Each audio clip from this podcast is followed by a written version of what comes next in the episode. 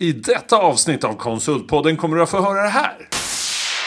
Ja, det är väl ett bra budskap till kvinnorna att eh, våga, Ja. det löser sig. Man behöver inte lägga hela sin själ. Det kommer funka ändå. Det kommer och i sådana nätverk ändå. som ni tillhör så kommer man ju få hjälp säkerligen också. Precis, och startar man på team så är man ju inte ensam heller. Så är det. Och vi har ju egentligen eh, redan pratat om min trend idag.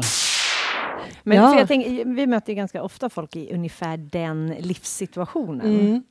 På Berotech kör ju alla eget och då Ja. är det ju ja, men ofta tjejer som tycker att det är ganska dålig timing för att dra igång ett, även om det bara är ett eget litet konsultbolag. Mm.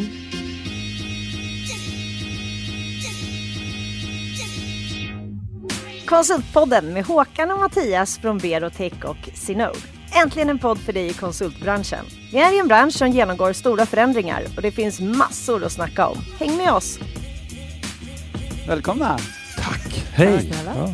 Hur är det? Med Helena kan vi börja med idag. Ja, men det är bra. Jag Ah. tycker att det är en härlig dag och jag är ganska nyfiken på hur det har gått med din traktor. Ska jag outa den direkt? Ja, jag vet inte. Ja. Nej, men vi pratade ju om min trädgårdstraktor som var för försvunnen. På posten? Först, ja, först skulle det komma till Gamla stan och ett misstag. Men eh, den har kommit fram. Yes! Ja! Yes, och det är min nya hobby. Ja, att har- sitta på min har lilla trädgårdstraktor och klippa gräset. Och nu har vi gjort den här lilla ängen. Det var typ en äng på, våran, eh, på landet som har gjort väldigt fin nu. ja. Och, eh, Stora ja, framsteg. Ja. Har ni? Röjsåg först och sen Har har, ni- vi trädgårdstraktorn. Så det är mitt nya stora nöje och jag hoppas min fru inte lyssnar nu men det är ett, det är ett väldigt bra tillfälle att få lite egen tid också. Jag går bara hörlurarna. ut och gör något nyttigt. Ja. Ja, så att det är både och. Men hur är det med Håkan då? Det är bra. Eh, jag känner mig lite solbränd trots att jag var ute i skärgården hela helgen och eh, det var dimma och regn. Så kom man hem och är brun. Jag vet inte vad som har hänt men det var fantastiskt. Ute och träningsseglat hela helgen. Fantastiskt Ah. häftigt. Ehm, Blir det några seglingstävlingar Vi hoppas i det. år? Det hoppas vi. Gotland runt? Gotland runt hoppas vi. Men vi vet ju inte hur det blir. Om hur många och sådär. Men vi, vi siktar på att det blir av. Så att vi Men något-. Något VM också va? VM. i VM? Det känns så stort. Ah, VM. Tänk Du att vet, vi har med segling oss behöver man inte kvalificera sig mer än att man köper in sig i betalningen av själva Ja, anmälningsavgiften. bra. Så att vi ska vara med till, på VM i Tallinn i augusti.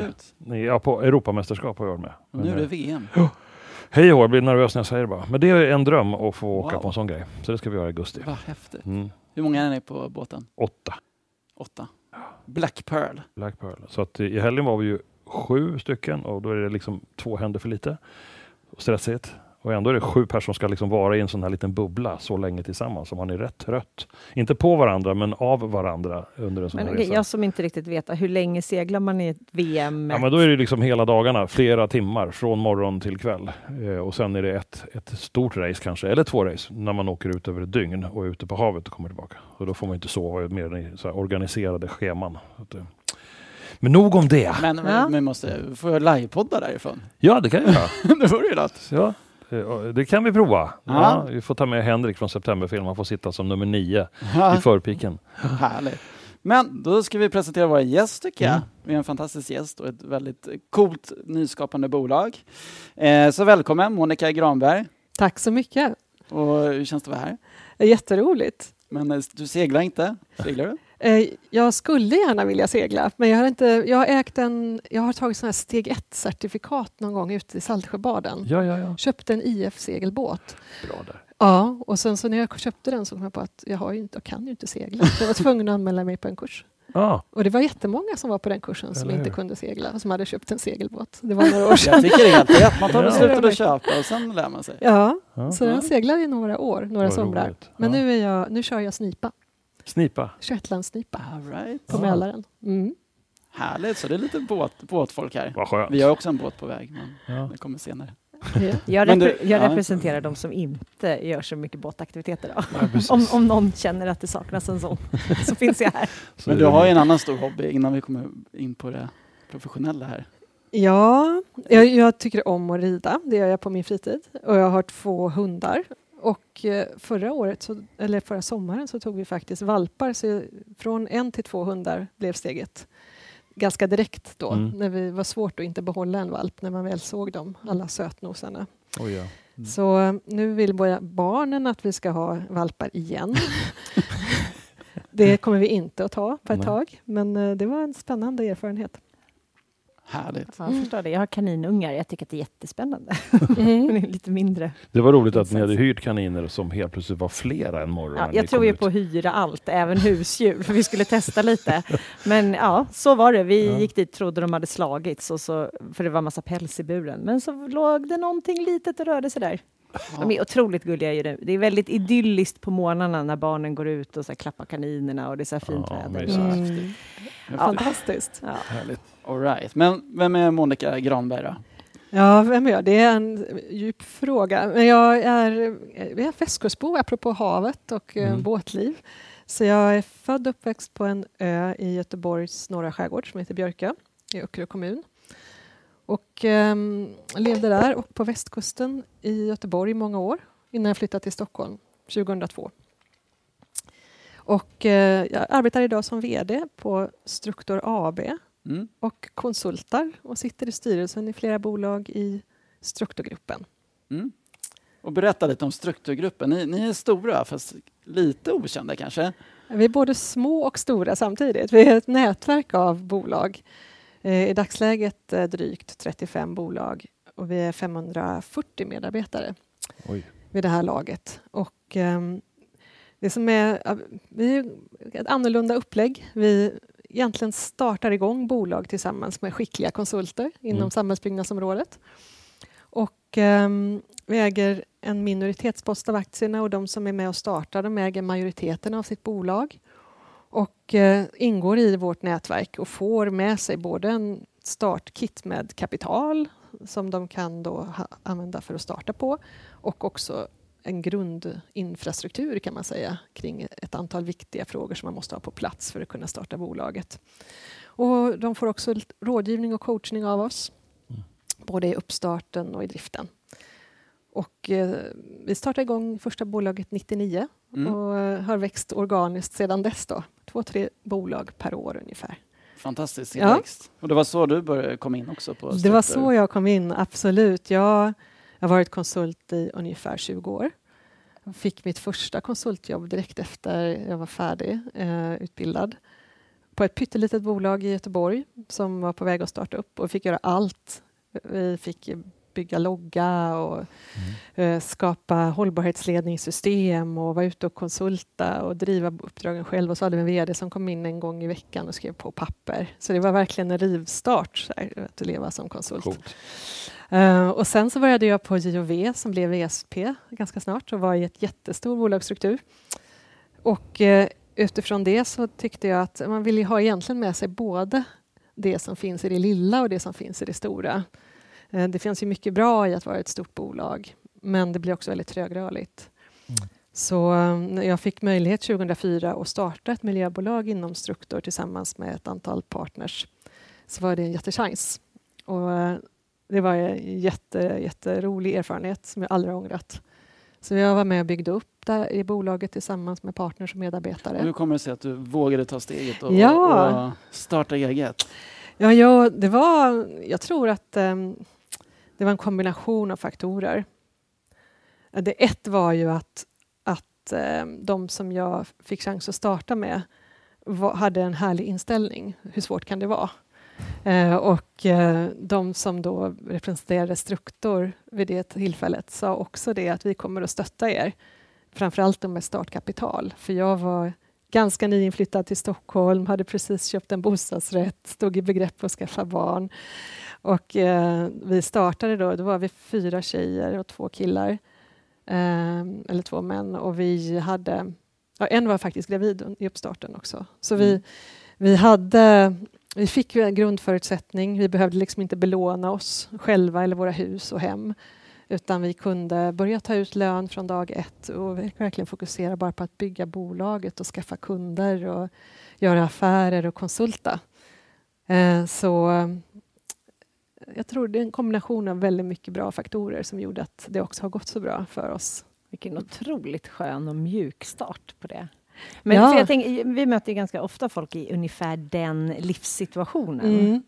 På Berotech kör alla eget och då Ja. är det ju ja, ofta tjejer som tycker att det är ganska dålig timing för att dra igång ett, även om det bara är ett eget litet konsultbolag. Mm.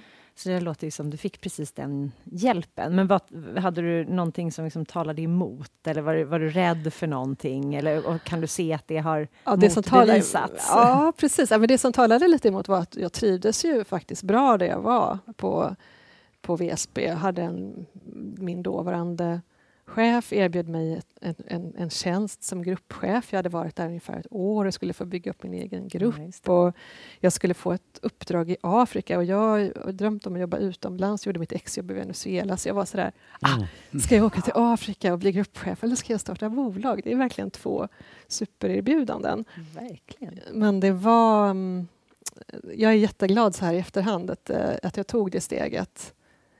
Eh, för att jag tror att om man kliver in, och det, det, är också spännande att bygga en grupp oavsett på vilket sätt man gör det, men, men om man går in och också äger och investerar i ett bolag, då får man tillbaka någonting mer också, både kunskap och kapital såklart av den mm. insatsen man gör. Mm. Engagemanget blir kanske ett annat också. Och engagemanget blir jättestort. Som Helena säger så verkar det ha gått det en skön mjuk start och ganska mjukt runt det här. Liksom. Men någonstans måste det ändå vara tufft.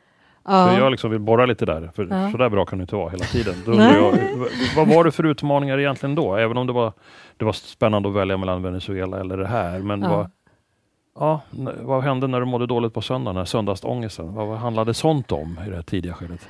Ja, men det tidiga skedet så var det, det handlade väldigt mycket om att överhuvudtaget etablera oss på Stockholmsmarknaden och inom miljö och hållbarhet. Och det fanns ju alla de stora aktörerna är ju här med alla sina bästa konsulter, så kan man uttrycka det. Så det var ju ett stort jobb att vara ute och träffa kunder och springa och, och mm. också hitta vad är det som gör att de ska anlita just oss? Liksom, och vad är det vi erbjuder? Så vi la väldigt mycket tid och kraft på det. Ehm, att tänka kring vårt erbjudande. Hur ser vår tanke ut kring vad vi vill eh, hur vi vill jobba tillsammans, eh, både mot kunderna och hur vi vill jobba tillsammans internt i det här mm. bolaget och vilka typer av... Hur ska vi rekrytera, hur ska vi växa och så vidare. Så att mycket hårt jobb och vi satt och, det var ju inte mjukt vidare, vi satt och räknade på slutet på månaden alltid, att men nu fick vi in ett uppdrag till okej, okay, här är vi 4 000, nu går vi plus minus noll på likviditeten i ja. denna månaden. Så, så att, eh, även om vi hade ett startkapital så, så var vi ju ändå tvungna att eh, vara lönsamma. Vi ville ju det. Ja, det, och det har vi varit också över tiden. På ja, men det har ju krävt sin arbete, mm. absolut. Ja, men det är bra. Ja, men det betalar sig, alltså både känslomässigt att det man lägger in i det där, inte bara i återbäring i pengar, men att ni nådde ju kunderna. Ni fick relationer, de ville ha er före de stora drakarna. Absolut. Det är en otrolig tillfredsställelse.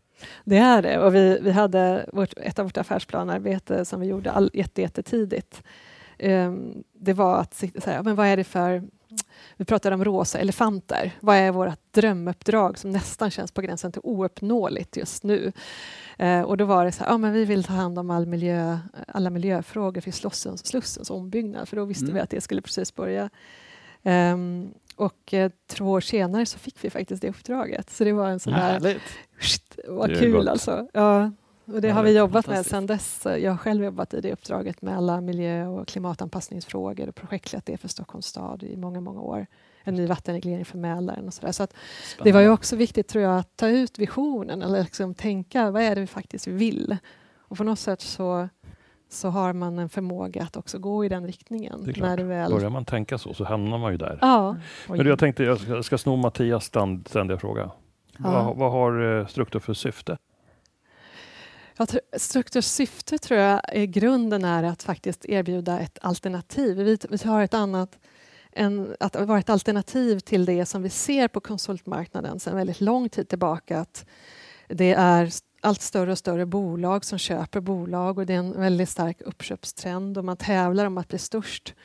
Eh, och vi har ingen ambition att bli störst utan vår ambition är egentligen att att eh, helt enkelt frigöra kraften i varje enskild specialistkonsult. Att man får eh, dels skapa det man tror på, jobba nära kunden, eh, att vara ehm, att ha, ha, kunden i fokus och att inte bli så stor så att man liksom börjar arbeta med för mycket med sig själv snarare än, än kunderna och deras uppdrag och utmaningar. Nej, men blir man tillräckligt många så behöver man inga kunder. Man får dagarna fulla med arbetsuppgifter. ändå. Så är. Exakt, så är det. Verkligen. Ja, det, det är min eh, thriller också. Så vi har sagt att varje bolag ska inte vara mer än ett busslast stora. Ja. För att då kan vi fortfarande bibehålla en hög grad av delaktighet, att alla konsulter, alla medarbetare kan vara med att utveckla sitt bolag och vara med och ha ett ansvar i driften av bolaget och alla vd kan jobba som konsulter och hålla sin marknadskontakt och hålla kontakten med kunden. Mm. Ehm, så blir, vi, blir, blir bussarna större än så, för det har ju också hänt över tiden sedan 99 att vissa bolag har växt väldigt mycket på grund av att de har varit framgångsrika och det har funnits en bra marknad. Mm. Ja, men då har de knoppat av sig nya minibussar Ja, och eh, får ha ett nytt gäng för att starta om inom Mm. något affärsben och bygga ett bolag utifrån det. Då. Så det växer även organiskt inifrån, inte bara genom att nya människor kommer till oss utifrån. Det är en utmaning i alla konsultbolag det här med att behålla och upprätthålla någon form av gemensam kultur. Hur, hur, menar, om om det, det knoppas av, ni är 35 bolag, och, och hur, hur, hur funkar det för er med kulturfrågor? Så.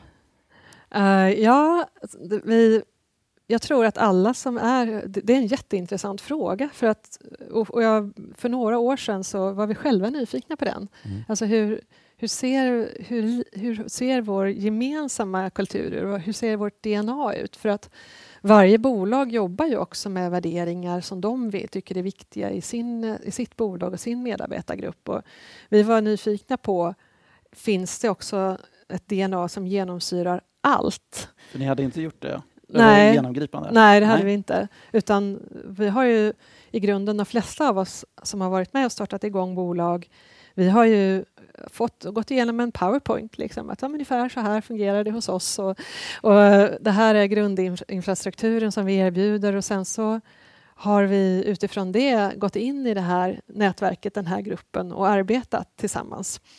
Eh, och vi jobbar ihop ibland men det är också helt frivilligt så vi måste inte jobba ihop. Eh, det finns inga tvång att bolagen jobbar ihop.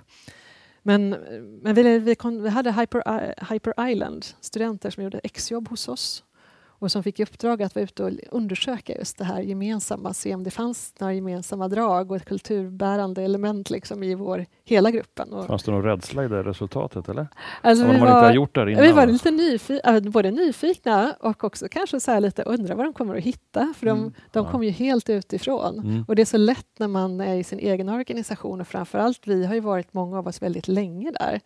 Vi är på gränsen till dinosaurier många av oss. Precis. Du är snart ifatt med det. Du hade 17 år såg jag. Ja, har 22 år. 17 år Ja. Och väl, det är liksom gemensamt för många att vi har varit väldigt länge. Och man kan ju ibland bli, bli blind och, och tro på sin egen historia mer än att den speglar en verklighet.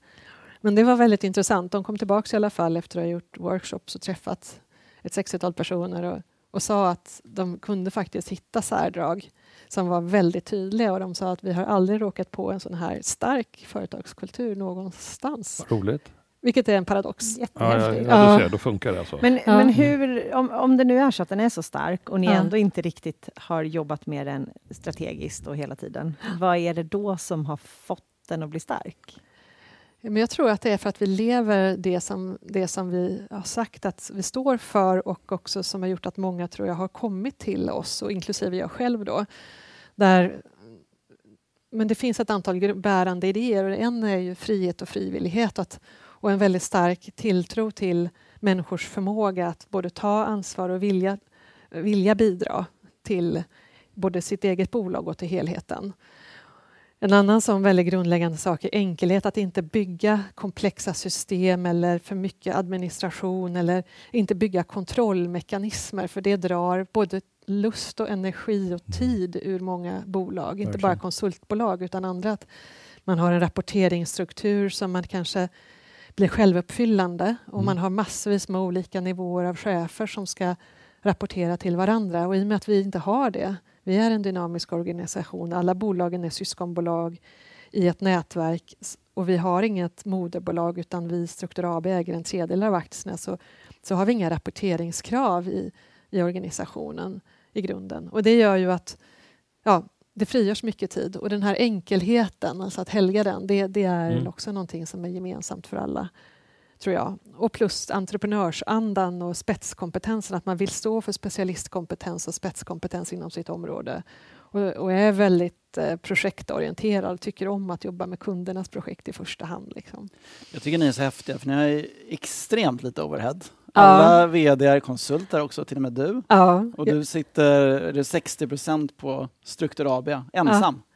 Ja, vi har inga andra anställda. Och du är konsulter också. Och jag är konsulter, ja. ja. Och det är en utopi för många konsultföretag som vill liksom pressa upp marginalerna. Och hur mycket, hur mycket möten tror ni har i veckan? då? Mycket ja. mötestid? Ja, det är en bra fråga. Vilken bra fråga. Jag vågar inte gissa. en timme, bara säga något. En timme? Ja. Det är väl inte riktigt så. Men uh, det, mm, vad tror du, Helena? Ja, men lite mer då. Ja. Fyra? ja, men jag tror att äh, chef för din position har ju annars äh, typ 30-40 timmar. 35-40 timmar. Möten. Minst. Ja, hela veckan är täckt med ja, möten. Det har väl vanliga koncern ja. på ett 500-mannabolag. Men du kanske har åtta timmar? Nej, inte, ja, 30 procent ungefär av min tid ja. kanske är 20-30 procent är möten. Och det återspeglar, tror jag, det här arbetssättet. Att eh, och ibland är det såklart mer och jag pratar i telefon och vad är ett möte? Så kan man ju också fråga. Ett möte kan ju vara så fort man samtalar med någon och det är klart att det gör jag ju mycket. Men, men just det här att, eh, att binda upp väldigt mycket tid i, i interna frågor, det, det gör inte vi. Och det återspeglar också mitt sätt att jobba på, precis som mm. de andra vdarna som då också är ute mycket och konsultar i sina respektive projekt. Och i och med att vi också vill att alla ska vara delaktiga på något sätt i bolagen så, så delegerar, när jag var VD delegerade jag väldigt mycket av driftsfrågor av bolaget till alla medarbetare. Alla hade en uppgift i driften. Alla bidrog i affärsplanearbetet. Mm. Och då, då, då, kan man ju jobba med uppdrag och projekt också. Och dessutom blir folk mer engagerade generellt om man får Men är det inte risken att det blir för löst ibland? Ja. Man måste kontrollera. Hur funkar det där? Ja, men det, det är en utmaning tror jag för alla organisationer och framförallt när man är som vi då, en företagsgrupp eller ett nätverk. Det är hur, hur fast eller hur löst ska man hålla samman? Och vi balanserar det där hela tiden. Jag brukar ibland se det som att, att jag och vi som jobbar med de gemensamma frågorna mest, vi balanserar på en, en slak lina hela tiden, som en balettdansös. Liksom. Eller, för mm. att det är ju en en finstämdhet som måste till i varje enskild fråga. Och man får känna också av och lyssna av väldigt mycket och ha en dialog hela tiden med, med de som är berörda.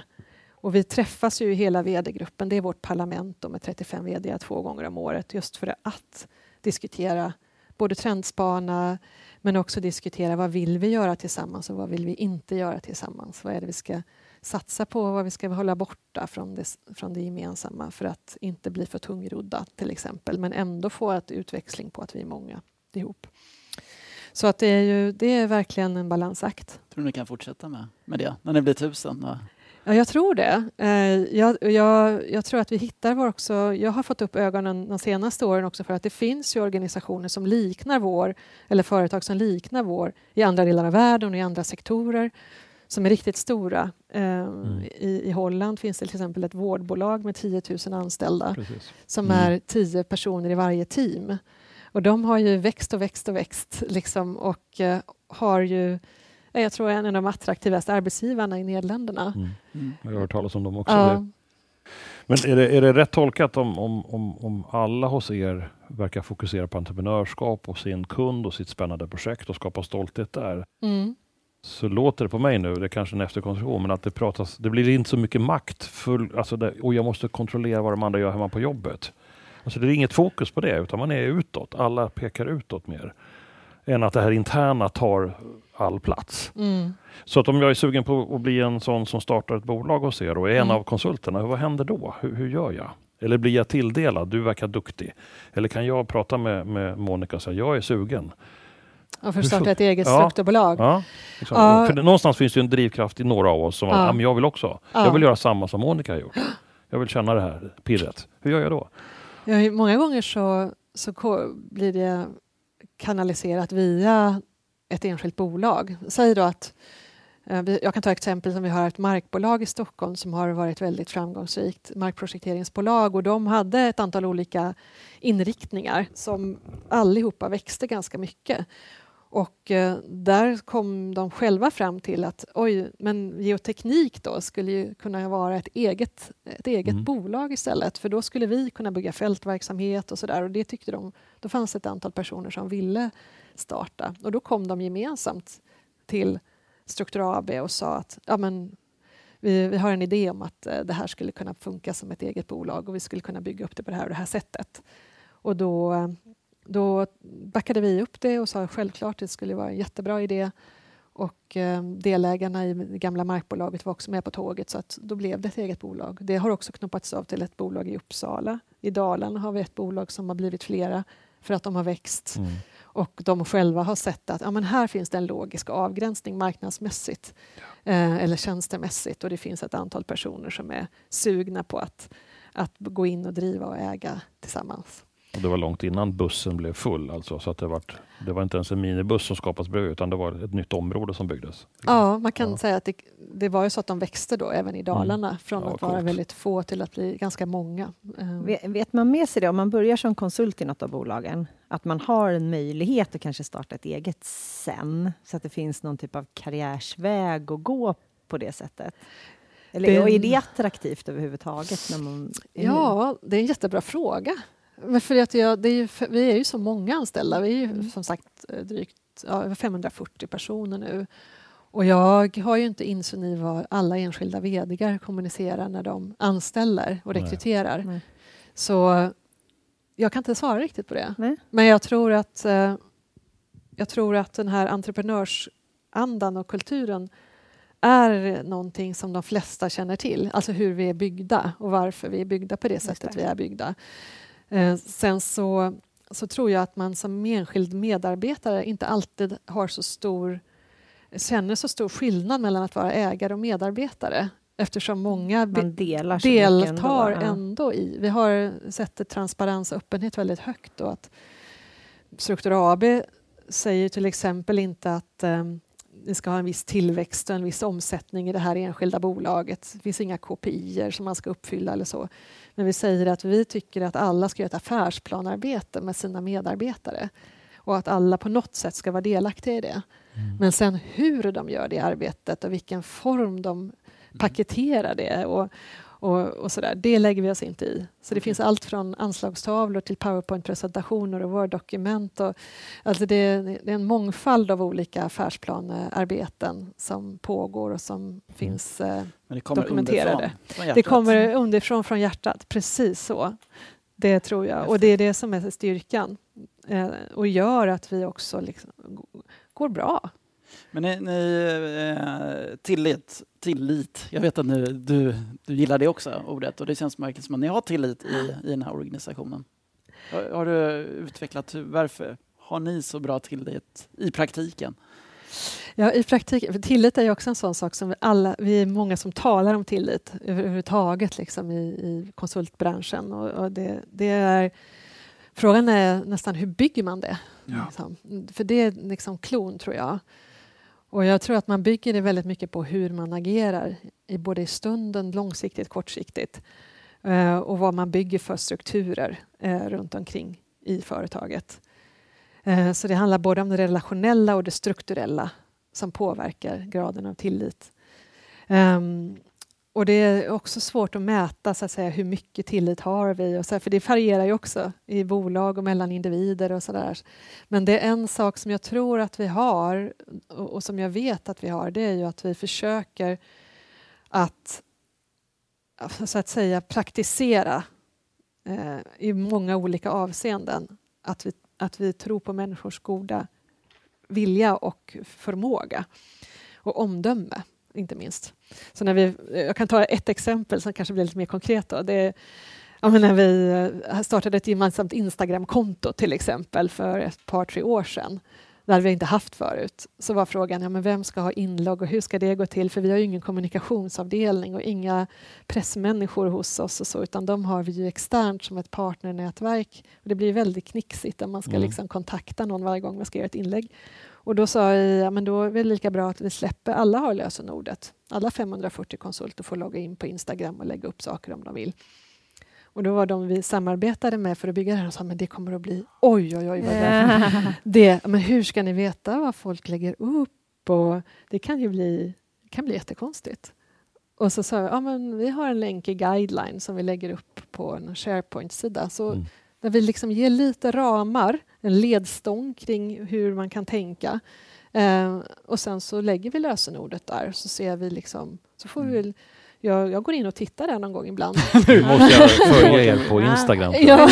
ja, hur, hur, har det slutat med att många är engagerade eller är det ett par Ja. stycken som är samma som Nej, jag skulle säga att det är ganska många som är engagerade. Ja. Vissa mer än andra men, och vissa bolag mer än andra bolag. Men alla, alla lägger upp eh, saker och hjälps åt att eh, levandegöra det här Instagramkontot för Struktor. Och vilket gör att vi då har inte behövt bygga liksom någon, någon egen, egen avdelning som pysslar med de frågorna till exempel. Bra bevis på tillit.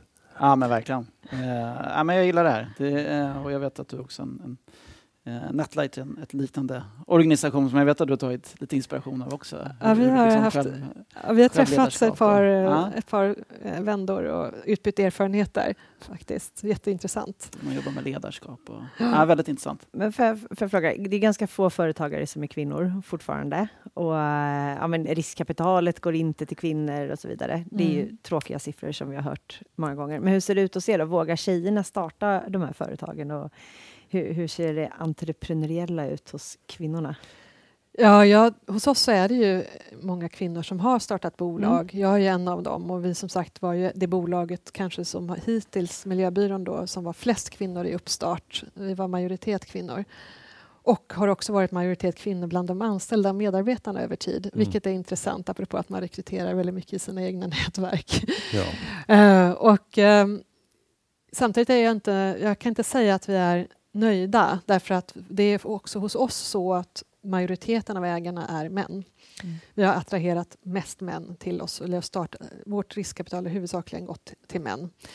Ehm, så det är en fråga som, som jag lyfter i de sammanhang jag kan. För jag tror att vi har pratat ganska mycket om det här med representation, att vi ska se kompetens oavsett vem det är och försöka verkligen vinnlägga oss om att rekrytera det. Det tror jag många bolag har som en ambition. Mm. Och även på alla nivåer, bland medarbetare och bland ledare och vd och chefer. Och vi har kommit en bit på väg när det gäller just representation kvinnor och män i ledarnivå och också bland medarbetare. Och jag tror att nästa växel, inte Mm. bara för oss på Struktur men för hela Sverige, man nu pratar vårt företagslandskap, är att börja titta på ägandet och hur vi satsar kapital och vilka som satsar kapital och vilka som äger. För att få en större bredd och också växla in kvinnor till den kompetensen men också kvinnor som ska bygga den kompetensen. Jag un- unnar fler kvinnor att göra det, att bygga den erfarenheten och kompetensen av att driva, äga bolag själva och få tillbaka inte bara kunskap utan också få en utväxling i kapital på att de faktiskt gör ett bra jobb. Mm. Så, så att det, det hoppas jag och jag önskar verkligen att fler ska våga ta, inte våga utan ska ta det steget. Mm, jag är helt enig i det. Här har vi två kvinnliga företagare, Ja. så det är kul i alla fall. Men Ja. jag håller med, det är en jätteviktig fråga. Mm. Eh, och där det kanske inte händer så mycket.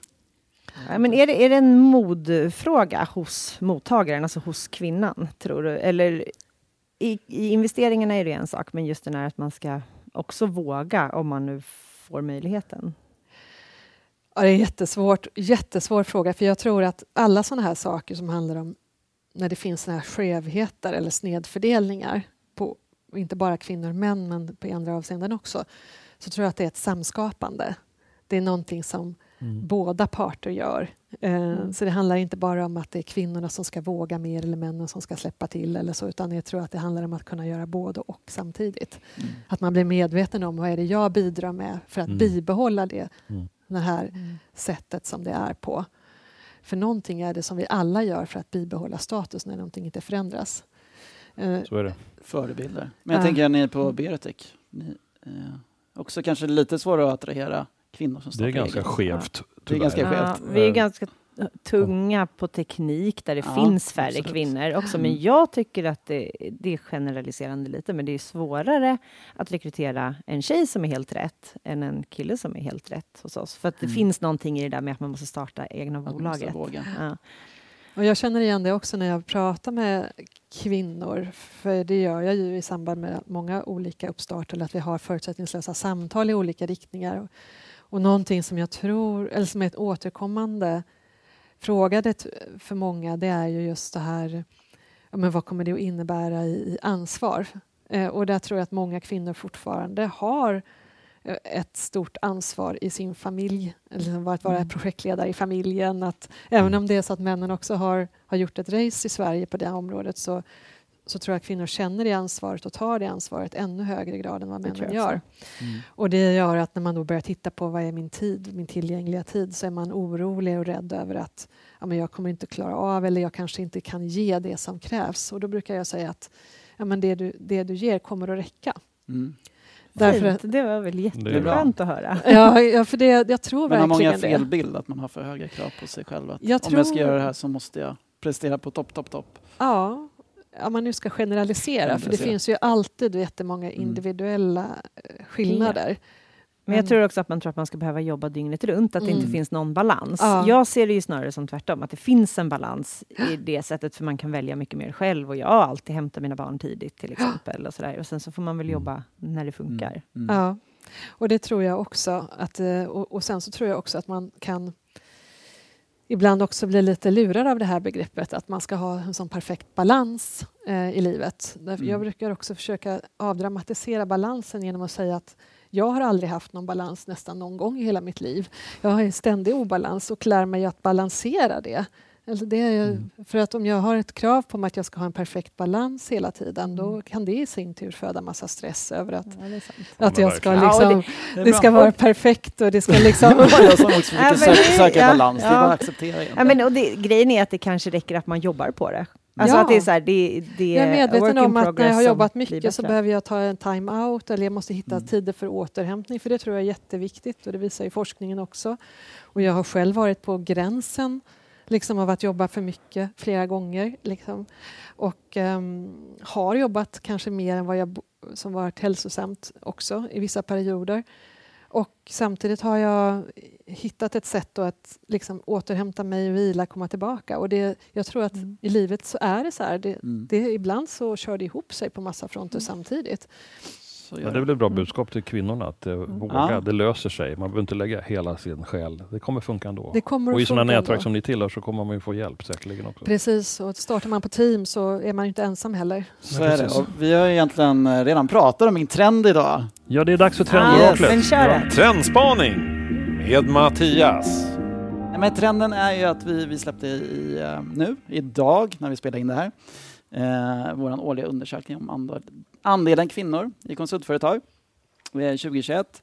Eh, och vi ska väl vara ärliga att det, det, eh, det har inte hänt så jättemycket sedan förra året. Ungefär 33 procent, vilket är ungefär som innovationsföretagen och IT-teknikföretagen säger. Det har hänt lite, lite på styrelsesidan, eh, men, men fortfarande dåligt där också. Vi har ändå några bolag som har majoriteten kvinnor i styrelsen. Det hade vi inte för några år sedan. Det är några få bolag. Eh, så det har hänt lite. Men en spaning där har ju också varit att eh, dels har vi ju få personer som söker till teknik, IT, samhälle. Eh, men det finns ju också en, en trend tyvärr att det är fler kvinnor som lämnar. Så det är en dubbel negativ trend. Dels att vi har fler som För litet inflöde. för litet inflöde men också att de lämnar efter några år. Eh, att det kanske man inte ser de här karriärsvägen. Då kanske man inte vågar ta steget och, och bli egen och, och så vidare. Så att vi, måste nog också titta på den. Hur behåller vi de som verkligen har, har valt vårat yrke? Vet vi varför de slutar? Nej. Det kanske Ja, vi, ska nej, vi kanske ska börja där och ja. fråga varför några Eh, väljer att hoppa Det är av väl här. typiskt så här, ut, utvecklare, man börjar utveckla men många kvinnor blir projektledare eller chef sen och sen kanske man Ja, hoppar, det hoppar till det. en... eh, Kan vi inte ställa det som fråga också till kvinnliga lyssnare? aha. som Ja. är på väg ur eller ha, har lämnat branschen. Liksom berätta lite om varför. Ja, det vill vi gärna. I mejl eller på LinkedIn Vi eller kan nog gräva någonstans. mycket Ja. i det. Det skulle ju vara jätteintressant, för jag menar Ja. om vi vet det, då kan vi kanske göra någonting Mm. åt det också. Mm. Den får hålla på lite, Ja. lite spända. Ja, då får vi vänta till hösten. samlar ihop alla kloka svar. Har du Ja. några tankar? Har, har, ni, har ni sett några trender sådana i ert bolag? Att det är? Nej, faktiskt Nej. inte. Jag, jag kan inte säga att jag har sett en sån generell trend. Men jag tycker också den frågan som vi var inne på tidigare om vad är det som gör att jag, jag tar steget eller inte tar steget in i ett ägande, att den är spännande. Att, Mm. att Det är liksom ve- spegla ut egentligen till de som lyssnar. För eh, jag tycker att det är en, det är en angelägen fråga. Mm, Verkligen. verkligen. Ska vi koppla in eh, Elin, tänker jag? Vi har Ja. ju med Elin Richards på, på länk idag. Hej Elin! Hej, hej. Hur är det i verkligheten, Elin? Men det händer så mycket i verkligheten, så jag vet inte ens var jag ska börja faktiskt. Ja, Men eh, det, det är generellt bra i verkligheten, ja vad skulle jag skönt. säga. Jättebra. Ja. Vad är din take från det du hör av Monica här nu? Vad, vad, någon sådär snabb reflektion bara? Ja, men jag, kan, jag har suttit och, och lyssnat in och reflekterat över precis den, den eh, historia som mitt eget företag har gått och som eh, liksom har varit väldigt aktuell senaste tiden. För i måndag så bytte ju vi namn. Mm. Mm. Eh, Härligt, äntligen! Ja, ja äntligen, eller hur? Eh, och det här har ju liksom kommit av att man startar ett bolag och sen så vill man lite olika saker så startar man ett till och sen ett till och ett till men liksom under samma paraply. Vilket har, har eh, både varit en styrka eh, för oss i att vi har kunnat liksom samarbeta men också har varit en utmaning när, när allt, allt mer börjar spreta åt olika håll. Alltså hur behåller man fortfarande någon form av, av enighet i varumärke och, och hela marknadsföringsdelen. När man möter kunder som säger ja, men jag träffade en kollega till dig fast de jobbar ju med det här. Mm. Mhm. Hur blir det då egentligen? Ja, precis. Så att, eh, Så nu har ni kopplat er, er helt eh, fritt, eller?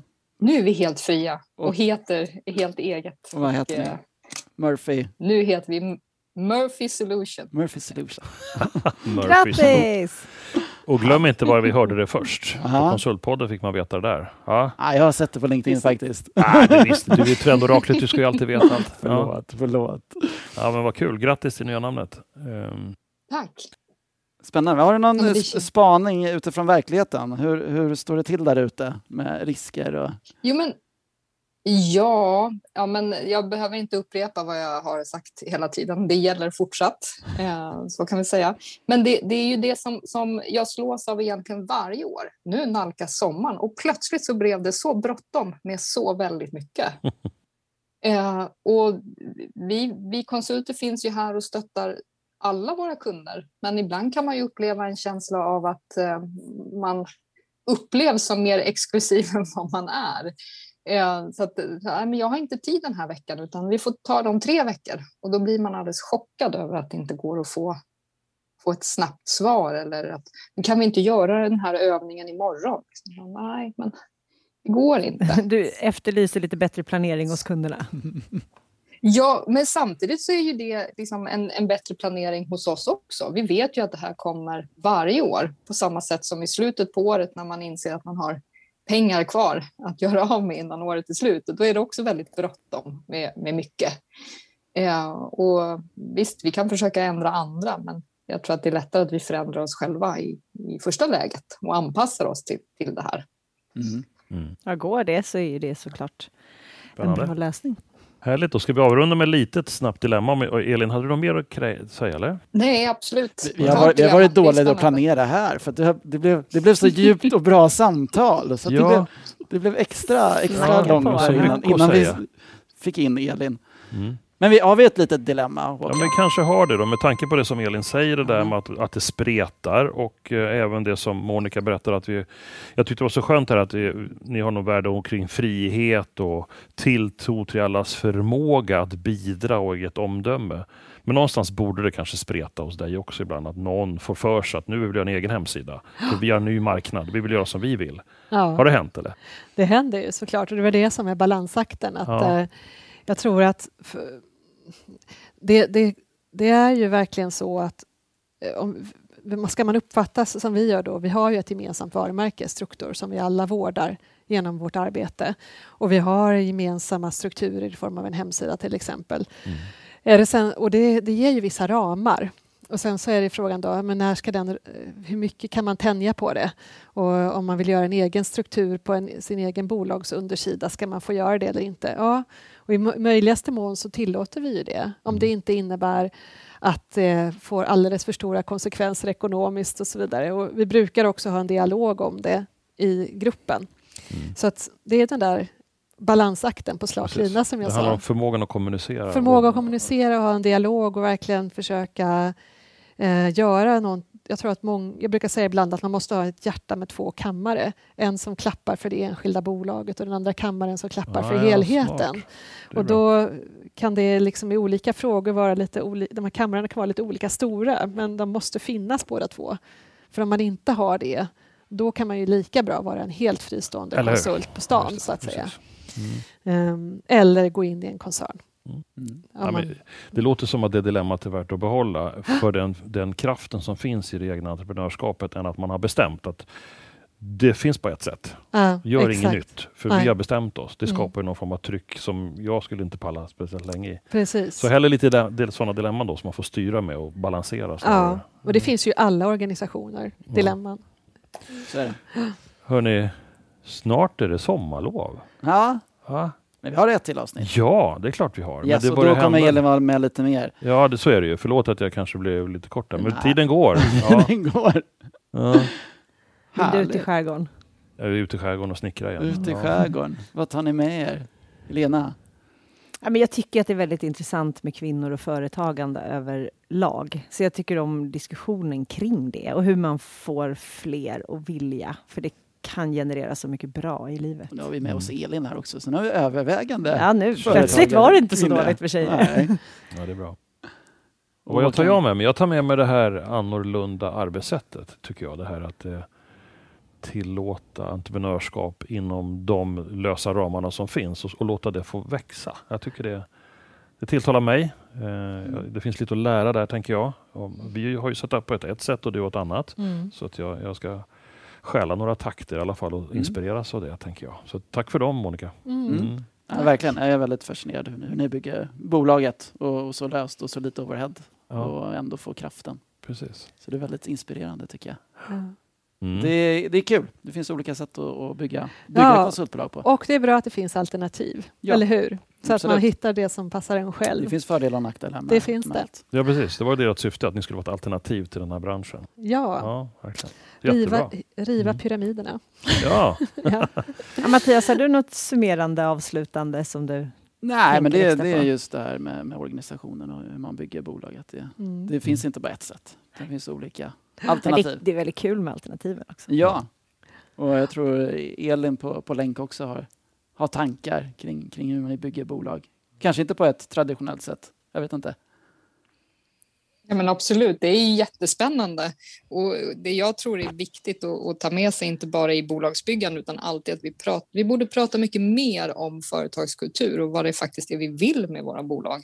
Både det som vi har pratat om i tidigare poddar med, med syfte och mål, men Mm. också vad det är för, för kultur vi vill skapa på vår arbetsplats och mot våra kunder. Det här kan vi gräva mer i. jättebra. Men vi får tacka för idag tror jag. Ja, tack så jättemycket. Tack. Tack allihopa. alla som har varit med. Jättekul. Vi hörs. Hej då! Hej då! Det här var nummer 52 av Konsultpodden och idag hade vi med oss Monica Granberg som är VD på Struktor AB. Och så hörde du mig, Helena Torhage, och Mattias Loxi och Håkan Mild Svensson. Med oss har vi även Elin Richards. Vi har producerat på Septemberfilm.